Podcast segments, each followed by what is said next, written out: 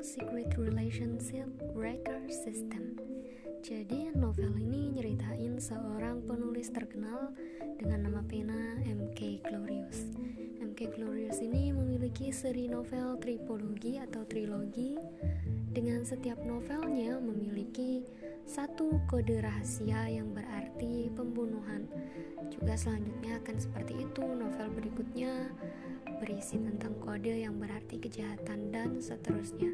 Sampai akhirnya sering terjadi pembunuhan-pembunuhan yang menyelimuti kehidupan MK Glorious. Jadi semua penulis yang mengaku MK Glorious maka mereka akan terbunuh. Karena MK Glorious ini dianggap sebagai ancaman yang ternyata bukunya itu adalah mengungkapkan kejahatan sindikat berbahaya.